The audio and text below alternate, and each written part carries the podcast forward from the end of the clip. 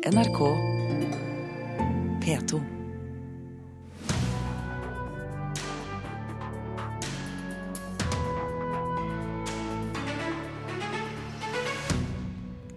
Et knippe norske jenter hetses nå over hele verden etter Justin Bieber-skandalekonserten i går. Guys, never mind. I'm, I'm done. I'm not doing the show. I'm not doing the show. Og Den nye novellesamlingen til Kjell Askildsen er tidvis svært god, men har noen svakheter også, mener vår anmelder. Og Fredagspanelet diskuterer i dag krav til egeninntjening for museet James Bond, og tro det eller ei, Justin Bieber. For vi må jo få klarhet i er dette gøy, eller er det bare tragisk. Vi kommer tilbake til Fredagspanelet etter hvert. Først til selve nyheten. Justin Bieber avbrøt altså konserten i går kveld etter bare én låt, etter å ha blitt irritert på publikum som sølte vann på scenen. En håndfull jenter som sto på første rad, blir nå hetset i sosiale medier av Bieber-fans fra hele verden. I just need you guys to get warmed up so I can get. Hey, no, what are you doing? Yo, yo, yo, what are you doing? Stop it. Come on. I said stop it. Yo, what are you doing? Come on. Guys. Hundrevis av tenåringer foran scenen på Chateau Neuf i Oslo i går kveld, idet det går opp for dem at Justin Bieber mener alvor. Han har bare spilt én låt, men noen har sølt vann på scenen. Han begynner å tørke opp med ei skjorte, men får ikke være i fred. Da får ungdomsidolet nok og går av scenen. Hey, I'm me second, yo. Guys, mind. I'm, I'm done. I'm not doing the show. I'm not doing the show.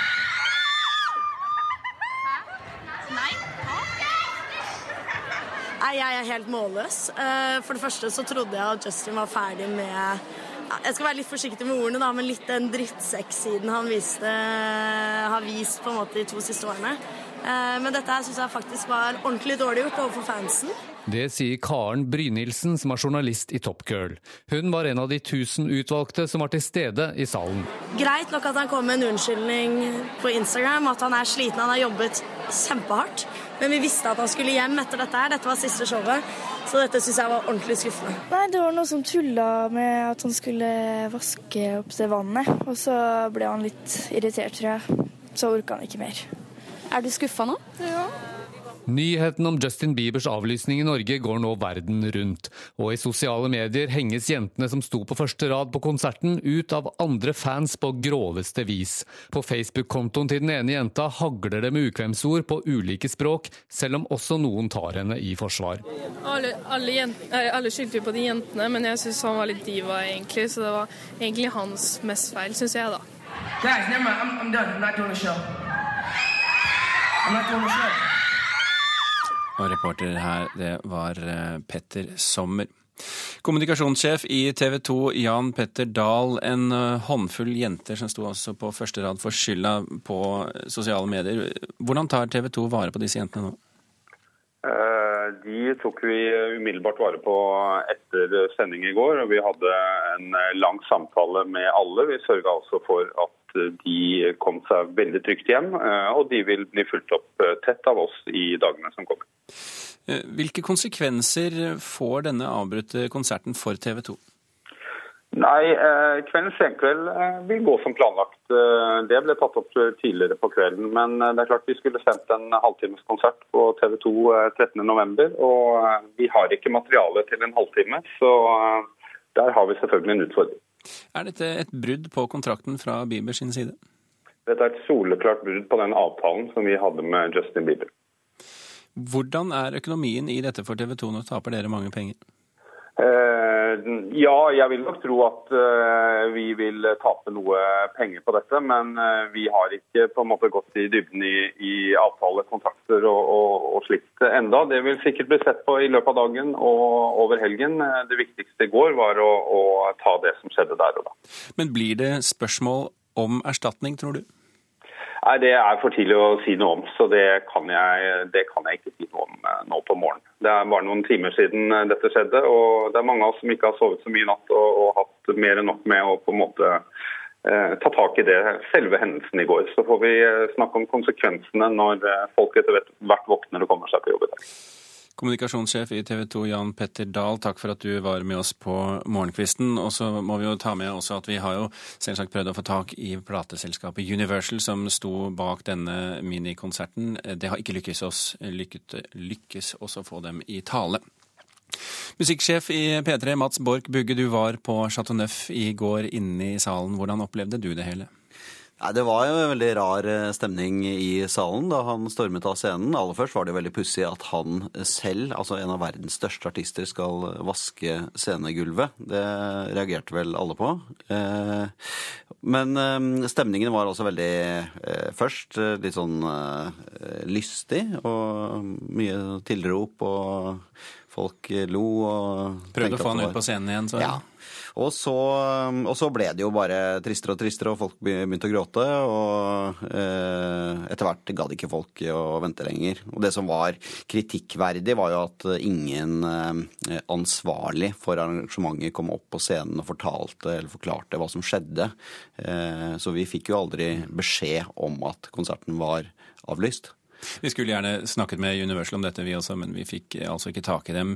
Rockehistorien, eh, Mats, eh, er jo full av artister hvis største drøm er å ha gærne fans som det Bieber har. Stage diving, apropos kontakt med publikum, er jo et fenomen. Hva forteller dette om Justin Bieber? Nei, Det forteller jo at han er et menneske, after all. Eh, eller at det er en eh, strategi dette her som ligger bak, som går på en måte mm, langt videre enn det vi er vant til å eh, forholde oss til. Kan det tenkes at dette er et gjennomtenkt og planlagt mediestunt? Jeg vet ikke hvor gjennomtenkt det er. Altså, han postet en beklagelse på sin Instagram-konto umiddelbart etterpå, vil jeg si. En lang tekst der det var en del feilskrevet, f.eks., som ble rettet opp kort tid etterpå.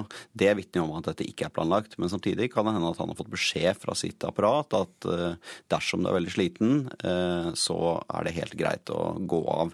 Altså, de gjør jo denne promorunden for å få mest mulig oppmerksomhet rundt det kommende albumet, og de tenker kanskje at de da fikk skvisa sitronen eh, til et maksimum ved å da skape en ytterligere nyhet. Til hans forsvar, med et par unntak som f.eks. Michael Jackson, Beatles i sin tid også, i og for seg. Mm. Er det mange artister som lever under et sterkere press enn det han gjør? Jeg tror vel at mange av eh, de aller eh, største artistene lever under et ganske intenst eh, press i perioder. Eh, og så mener jeg samtidig at det finnes en del eh, hva skal man si, erfarne eh, managere rundt om som bør vite hvor grensen går. Og jeg tenker at Bieber her, her er det trolig en kombinasjon av at han ikke hadde dagsformen inne, og at listen da for å lage en ny skandale kanskje ikke er, ligger så høyt. da. Har han de rette folkene rundt seg, tror du? Ja, han har jo hatt de rette folkene rundt seg siden han ble oppdaget for eh, åtte-ni år siden. Og uh, har jo oppnådd en uh, vanvittig status uh, som artist og kjendis. Så han har et veldig godt apparat rundt seg som, som trolig vet hva de gjør. Og det å få, litt, få rulla seg litt mer i søla nå, i sin vei fra å være barnestjerne til voksenstjerne, er helt sikkert på lang sikt bare bare heldig for han. Mats Borch Bugge, takk for at du kom til eh, Kulturnytt.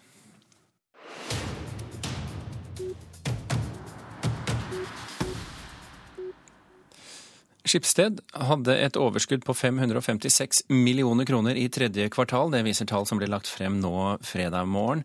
Dette skjer samtidig med at Skipsted-eide Bergens Tidende, landets største regionsavis, må gjøre store kutt.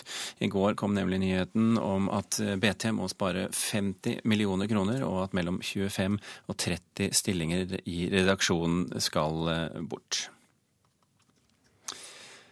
Kjell Askildsen er kjent som Norges store novellist, men en forfatter som etter at hans eh, syn sviktet ham, ikke har gitt ut eh, noen bok. Likevel kommer det ut en bok nå med Kjell Askildsens velsignelse. Han har vært i tvil om novellene fungerte og fortjente utgivelse, men nå har han altså blitt overtalt. Og jeg spurte litteraturkritiker Leif Ekle i går om Kjell Askildsen noen gang egentlig har skrevet noe som ikke fortjener utgivelse. Eh, ja, Det er et godt spørsmål. Eh, Det går faktisk an, nå starter vi den negative enden, men vi kan godt si det, at det går an å, å tenke når man leser denne boka her, eh, som har veldig mye fint, at det kanskje var en grunn til at Kjell Askildsen, som var en meget pirkete forfatter mens han fremdeles skrev, det var kanskje en grunn til at han valgte å ikke gi dem ut i den formen de har. Når det er sagt, så eh, holder det vel til en viss grad Kjell Askelsen kvalitet, vil jeg tro. Å ja, absolutt. Det Språklig er det på sitt beste, av aller, aller beste merke. Eh, og det er så godt merke at hvis du noen gang har hørt Kjell Askildsen lese, så hører du stemmen hans mens du leser eh, dette. Eh, det er eh, også slående altså at Den virker litt oppsamla i denne boka. eh, Fordi det er noen helt, helt, helt korte tekster som jeg nesten skisser. Men de er faktisk noen av de aller fineste tekstene i boka. Helt ned under to sider. I et ganske lite format. Mens, mens lengre ting er mer sammensatte. Og det, det skifter fra det veldig vellykka, syns jeg, til det som er helt ålreit, men som eh, jeg vil tro at Kjell Askildsen egentlig ville ha jobba mer med. Hvis du skal eh, ta noen trekk frem eh, eh, av Kjell Askildsens eh, skrivemåte, eh, som vi finner da i denne boken 'Vennskapets pris', hva, hva slags kvaliteter har han, hvis du skal si noe om det til folk som ikke har lest han? Mm, Han er en forfatter som, eh, som jobber med teksten helt, helt ned på beinet. Eh, Det er ofte veldig ofte kortfatta, veldig konkret, lite blomstrende, ekstremt lite blomstrende. Han har dialoger som, er, eh, som man nesten ikke skulle tro fungerte. Det er veldig sånn rekker av sa jeg, sa hun, sa han, sa jeg. Og ofte korte replikker. Men det fungerer altså. Det bygger opp stemninga likevel. Hvis jeg kan lese fire linjer Du skal få lov til det. Ja. Eh, Første novellen i boka heter Konrad T. Den begynner sånn. Tirsdag besøkte Konrad T. sin far. Han hadde gjort det siden han flyttet tilbake til hovedstaden etter at et mangeårig samboerskap var gått i stykker. Han gjorde det uten glede, men han gjorde det. Han kunne ikke få seg til ikke å gjøre det. Der har du Oskildsen. På fire og en halv linje i relativt stort format så har han altså etablert en hel setting med relasjoner som er vanskelige, um, med en konkret henvisning til en situasjon som vi skal inn i. For hvem er den eh, en, en perle? Ja, Den er nok en perle, ikke minst for folk som er svært interessert i Kjell Askildsen. Eh, Jeg har sett andre har sagt det også, at eh, litteratur... Altså, Kjell Askildsen-forskere, hvis det finnes sånne, de er nok interessert i noe av det som står her. For det er, det er varianter og versjoner av tekster. Blant annet så den Willy Hassel som jeg nevnte, den ligner veldig på en annen novelle i boka som heter Etter bisettelsen. Det kan være to versjoner av samme idé. Sånne ting er interessant. Men for folk som lis- liker Askildsens novelleprosa, så er det også varmt å anbefale. Ja, Det sa altså Leif Ekle. Klokken er eh, passert eh, 16 minutter over åtte. Det vil si, det gjør det akkurat der. Du hører på Kulturnytt, og dette er toppsakene i Nyhetsmorgen nå. Flyktningene kommer til å koste Norge over 70 milliarder kroner de neste seks årene. Regjeringen legger i dag frem et justert forslag til statsbudsjett pga. den kraftige økningen i antallet asylsøkere til landet. Det ble reagert altfor sent på ebolaepidemien. Flere tusen liv kunne vært spart, mener smittevernekspert Jon Arne Røttingen ved Folkehelseinstituttet. Og ingen i Europa opplever mer tidspress på jobben enn arbeidstakere i Norden, viser en ny kartlegging. Mest presset på tid er svenskene og finnene, ifølge en undersøkelse fra det europeiske arbeidsmiljøorganet. Og så har vi kommet frem til dagens fredagspanel, som eh, vi må si er eh, toppet utgave. Anna B. Jensen, sjefredaktør i Morgenbladet. Inger Merete Hobbelstad, kommentator og kritiker i Dagbladet. Og Katrine Aspaas, forfatter og kommentator og økonom. Velkommen, alle sammen. Takk for det. Skal vi gå rett på sak? Vi sparer eh, Justin Bieber litt, og så går vi til Fremskrittspartiet, som vil stille krav til eh, museer og operaer og teatre at de må tjene mer penger selv for å få offentlige kroner utløst. Spørsmålet vårt er er dette en god idé. Nei. Nei. Nei. Oi! Det var massivt. Eh, Hobbelstad. Eh, altså Det at man evaluerer ganske nøye hvordan statlige midler brukes, eller at man undersøker hvordan man kan få private midler til å få eh, store, brede kulturprosjekter opp og gå, det tror jeg bare er en fin ting. Eh, men det at det ene på en måte skal erstatte eller utløse det andre, tror jeg er en farlig idé. Jeg tror ikke helt man da tar inn over seg Farlig, hør, nå høres ut som jeg snakker om Ja, det- IS eller noe. det er dramatisk. Eh, men eh, altså det er så mange kulturprosjekter i dette landet som ikke har det i seg å gå med overskudd, eller som ikke på en måte utløser noen sånn umiddelbar gevinst for de private som eh, investerer eh, i det. Og det trenger ikke bety at de er smale eller sære, det har bare med å gjøre at Norge er et eh, grisgrendt eh, land. Altså eh, en teaterforestilling på eh, Sogn og Fjordane Teater, som forkorter seg selv SOFT, det er veldig fint. Eh, I Førde, altså den kan være så bred og tilgjengelig og, og godt planlagt sånn sett som den bare vil. Det er ikke helt eh, nok publikumstilfang på det stedet til å få finansiere en teaterforestilling helt for seg, for å ta et eksempel. Eh, altså det, er, det skal ikke så mye til før det er på en måte såpass smalt eh, at jeg tror det ikke er nok å få private midler til det. Eh, Jeg eh, tenker som så at krav, det å ha krav på seg er en eh, bra ting. Men for museer så er det å ha økonomiske krav, det, det er ikke de riktige kravene. Fordi de forvalter altså så store kulturelle verdier for oss. Men det å ha krav på faglig innhold, f.eks., og ha krav på relevans, ha krav på eh, Altså bruke andre målestokker, da. Og det er veldig interessant å se hvordan museene jobber nå, for nå begynner de å samarbeide om å, eh, om å studere Altså, alle har jo ikke råd til å dra til eh, MoMA i New York for å se hvordan gjør de det faktisk der, på de museene som er helt fantastisk topp faglig i, eh, i det store utland. Hva, hva gjør de for noe, og mm, hvordan kan vi gjøre det samme? Så museene begynner, må bli mer kreative, akkurat som alle andre som driver og, og jobber med kultur. Men eh, økonomiske krav, det blir en, et helt feil insentivsystem.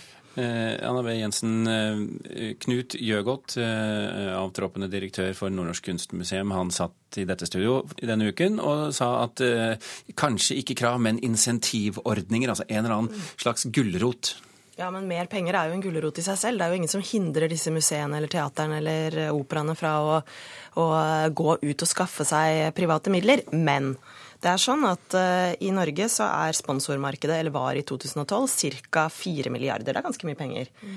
2,9 av de går til idrett og fotball. Halvparten, altså en, nesten 1,5 million, går til fotballen. Til kultur så går det under 400 millioner. Altså det er milliarder til eh, idretten, og så er det millioner til kulturen. Så jeg tror næringslivet Næringslivets ønske om å satse på smal og spennende kultur er ikke så stor, fordi det lett kan bli veldig kontroversielt. Og det er, eh, og det er derfor staten må gå inn som en garantist, sånn at vi får kunst og kultur av høy kvalitet. Og det har Men vi det faktisk. forundrer meg litt, må jeg si, at alle tre eh, Ingen ser potensialet i å, eh, å gi eh, eh, også næringslivet noen utfordringer.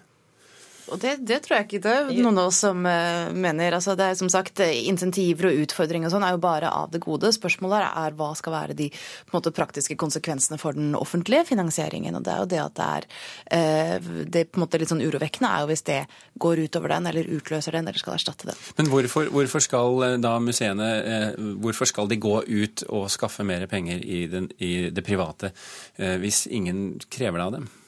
Nei, jeg tenker som så at dette her blir litt sånn snudd på hodet. Fordi at vi må jo begynne med produktene. Hvorfor har vi museer? Hvorfor, altså det, det er jo ikke snakk om å gå ut og hente penger nødvendigvis, men det er snakk om å være relevant i den tidsånden vi lever i. Og det er klart én del er sponsormidler, men en annen del er jo faktisk å være så kreativ. Kanskje vi kan lære litt av Justin Bieber? Ja, skal han skape skandaler? Om å få oppmerksomhet. Nei, men altså, det er jo snakk om å være, å, å være Å drive innovasjon, altså. Også for museene.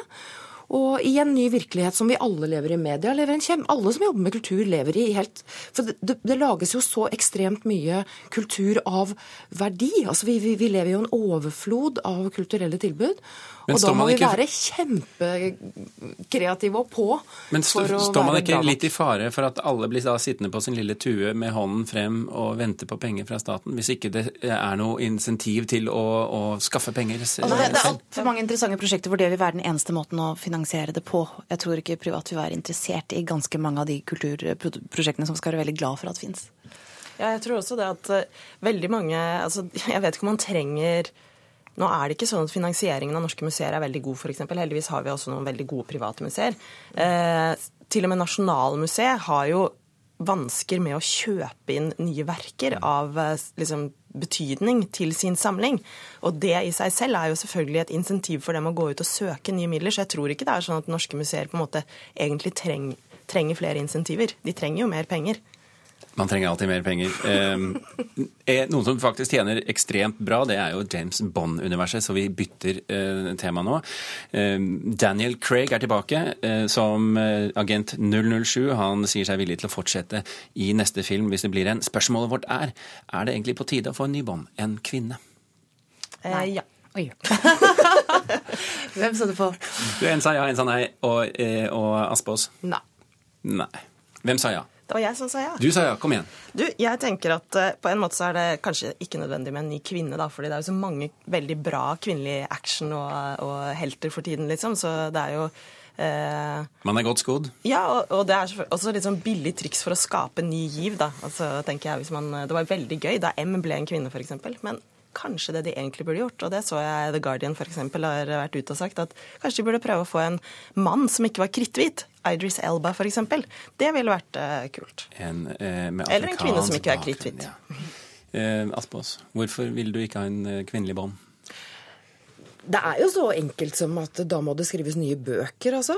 Ja, men det gjøres det jo allerede. Det gjøres det jo allerede, men øh, Nei, jeg tenker at vi snakker jo om de maskuline kronjuvelene her. James Bond er jo øh, Altså, han er jo alle ja, altså alle, Han lever jo den våte drømmen. Og jeg Raske tenker sånn så at det blir jo som, ja, det blir som å tulle, det blir som å kødde med kronjuvelene.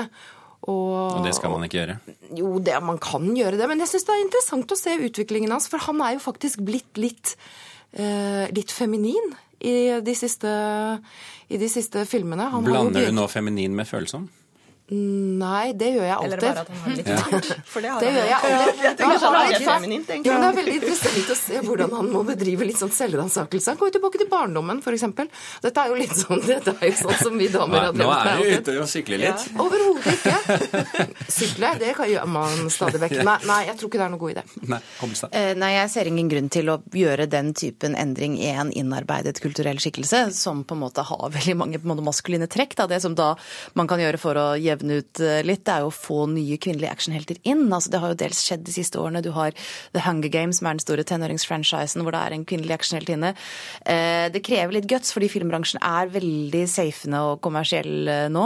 Og det er, menn og kvinner er veldig ulike om de trekker publikum til actionfilmer. Sånn skulle jeg vel, man ønske det var annerledes. Men sånn as we speak så er det Angelina Jolie som er den eneste kvinnelige filmstjernen som trekker både menn og kvinner til actionfilmer på samme måte som, som menn gjør. Så gjerne Men- utvikling, men ikke så langt. Nei, altså han, han er så etablert som karakter og ikon, og såpass velfungerende som det, at la, la James Bond være James Bond, og la oss få inn en annen Jane i en annen film. Eller en Justin. Vi må snakke litt om Justin også eh, mot slutten av dette fredagspanelet. For som veldig mange nå sikkert har fått med seg, ungpikeidolet Justin Bieber har vært, og det var jo en skandalekonsert i går da han gikk fra scenen etter én konsert, og det ble pressedekning verden over, og jenter gråter og kjefter på hverandre på sosiale medier. Spørsmålet mitt er er dette gøy, eller er det egentlig bare trist? Det er, um, det er gøy for oss og trist for Justin. Begge deler. Jeg syns det er mest trist, jeg, faktisk. Ja, Hvorfor syns du det er mest trist? Uh, nei, altså, du kan si at Det er jo på en måte litt morsomt for de som har det absolutt mest distanserte forhold til det, sånn som vi som sitter her inne, men fordi det faktisk gjelder, Uh, som er disse jentene hvor han er denne pokalen, hvor de øser alle disse uh, følelsene, gryende følelsene sine inn, så er jo dette en enorm alvorlig, stor ting, altså som man gleder seg til, og som man har veldig mye forventninger investert i. Og det å da, eh, uten, uten, å gjøre noe galt selv, går, eh, altså, blir skuffet på den måten, det syns jeg Nei, jeg føler, føler, med dem. Jeg ser disse gråtende jentene og tenker at jeg ville unnet dem bedre. Aspås. Hva skal man si? Altså, det er jo showbiz, dette her. Og showbiz, det er Altså, du, du får det ikke bedre enn en dette her. Vi hadde jo Frank Sinatra og mafiaen. Altså, det blir jo litt sånn Han var jo eldre på den tiden. Men uh, hvis vi skal sånn tenke som showbiz, så, så, så, blir det faktisk ikke bedre. Men det er kjempetrist for de som, uh, de som var der. Selvfølgelig, akkurat nå, på lang sikt, så kommer disse jentene til å snakke om dette en dag de kommer til å huske. Men hvor mange dager husker vi i livet vårt? Mm. Kanskje to? Uh, og dette er en av de dagene jeg kommer til å huske. Jeg, var der faktisk, på Chateau Neuf, da han gikk av scenen. Det kommer til å bli viktigere enn om man hadde hatt konserten. Ja. Altså, jeg tror at Justin Biebers eh, fans har fått med seg at uh, han har blitt en mer komplisert person. Så jeg tror på en måte at, vi, at de, de, kanskje som følger mer med på han enn oss, forventer mer en skandale enn det Jeg måtte jo lese meg opp for å se hvor mange skandaler han hadde begått de siste årene, helt innen 2012 ca. Um, og det er jo sånn at det er veldig vanskelig å være ungdomsidol og, og prøve å bli voksen. Så eh, der ser vi eh, Bieber sliter sånn som veldig mange andre, og noen ganger går det bra, men noen ganger går det også veldig galt. Sånn som Britney Spears har jo på en måte aldri kommet seg helt tilbake. Amy Winehouse. Amy Winehouse er jo veldig trist. Eh, så det er på en måte noe med um, det å Det er jo helt åpenbart ikke bra å bli beundret på den måten. Ja, altså, det, men litt trøsten er at de som synes, kanskje syns det har blitt litt eh, overkill med Bieberstoff det siste døgnet, både før og etter dette skjedde, eh, kan jo da berolige seg med at han jobber jo veldig veldig hardt for ikke å være så stor stjerne lenger. som han har vært frem til. Jeg tror det? Eh, ja, altså han gjør jo sitt absolutt beste. for Det kan jo virke for... stikk motsatt, egentlig. Eh... At han jobber for å bli større og større? Ja, jeg tenker at det er grenser da, for hvor mange eh, runder du kan gå med dette her. Og Eh, at han begynner å kanskje gjøre seg selv mindre på en måte nesten ingen av oss ville. Vi driver jo bare og bygger dem opp. Han selv prøver å virke som Du har så kort tid hvis du skal si noe nå. Ja, ok, da skal jeg si Hva med Justin Bieber som James Bond? Han har jo initialene. Han har jo det. JB? Kan, Kanskje det er et eller annet her Vi sender er... den ut som en brannfakkel i folket, og så takker vi for følget, alle sammen. Kulturnytt er slutt. Hør flere podkaster på nrk.no podkast.